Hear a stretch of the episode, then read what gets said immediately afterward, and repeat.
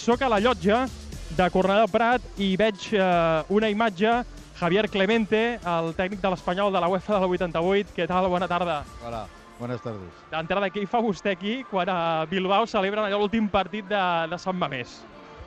Ya coincidían las dos cosas y bueno, ver el último partido de Salmames, pues tampoco soy excesivamente romántico, entonces no sé, creo que de más debía de estar aquí porque hay eh, 30 o 40 personas que he vivido yo unos años con ellos, entonces creo que tenía que estar más aquí que allí. Escolti'm, eh, vostè és eh, l'ídol de masses avui. Ha estat fa una estona a l'Espai Memorial, el Javier Clemente, pràcticament no el veiem perquè hi havia un núvol d'aficionats fent-se fotografies, demanant-li autògrafs. Ahí hemos estado, la gente le ha hecho ilusión. A mí no me cuesta nada pues a- atender a la gente, ¿no? La verdad es que había mucha gente, pero bueno, no, tampoco estoy ya tan acostumbrado a tanta foto porque yo ya no estoy como hace unos años tan en primera línea, ¿no? Eh, què, què li passa pel, pel cap a un quan veu tot això, tot aquest efecte?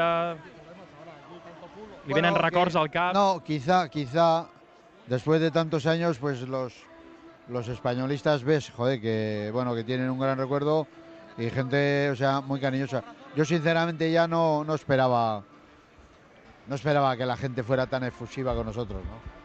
Molt bé, Javier eh, Clemente, moltes gràcies. Vale, un saludo. I al meu costat també el, el Tintín Márquez. Què tal, Tintín? Tal? Hola, bona tarda. Com estàs? Bé, molt bé, molt bé. Avui, déu nhi no sé si un avui es torna a sentir futbolista d'alguna manera. Sí, ens falten 10 minuts per jugar, però...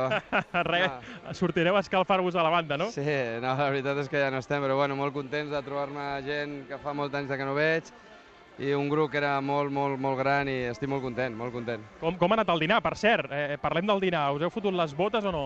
No, ha sigut un dinar, més que res, sí hem parlat, més que res de dinar, més que dinar hem parlat, però bueno, són, ja et dic, moltes experiències, moltes anècdotes i bueno, una estona, una estona molt maca. Molt bé, Tintín, doncs me n'alegro de saludar-te. Vale, igualment, gràcies. És el Tintín Márquez, un dels exfutbolistes de l'Espanyol, de la UEFA del 88. Era, era molt jove, eh, el Tintín. Uh, Sí? Era, vaja, del, dels jugadors del planter que Clemente en aquella temporada ja va començar a utilitzar molt jovenet, eh, el Tintín, en aquella UEFA del 88. A mi em I fa tant. gràcia perquè tothom que coneixem el Tintín, això de que ha anat a un dinar i que han parlat més que menjar no s'ho creu ningú, i a més amb aquesta generació.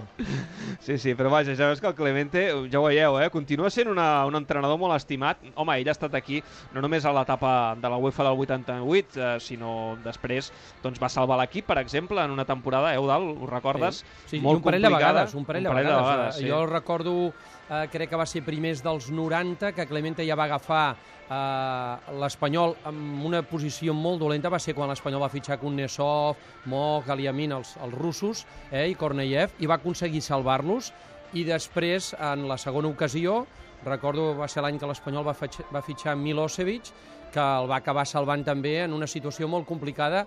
Eh, el que passa és que després va continuar la temporada següent i just a la cinquena, sisena jornada eh, l'Espanyol va, va acabar destituint-lo. Deixeu-me dir que hi ha gent que de vegades ha comentat home, eh, cal fer tant de rebombori pels, pels 25 anys de l'Everkusen quan a la final l'Espanyol no va guanyar. Doncs jo, si voleu que us digui la veritat, a mi em sembla molt bé que l'Espanyol hagi fet aquest acte amb tota aquesta gent perquè encara que no guanyessin la UEFA van fer història. I tant que Van sí. fer història i després a mi em fa l'efecte no només l'Espanyol, sinó en general als clubs de futbol d'aquí hi ha molt poca memòria futbolística. Si ho comparem, per exemple, amb, amb Anglaterra, amb, amb altres països d'Europa, sobretot Anglaterra, Escòcia, Alemanya, etc, tenen una devoció pels exjugadors i sobretot els que han marcat història en el seu club. I aquí pràcticament això ho oblidem, tenim memòria de peix, ens dura poquíssim.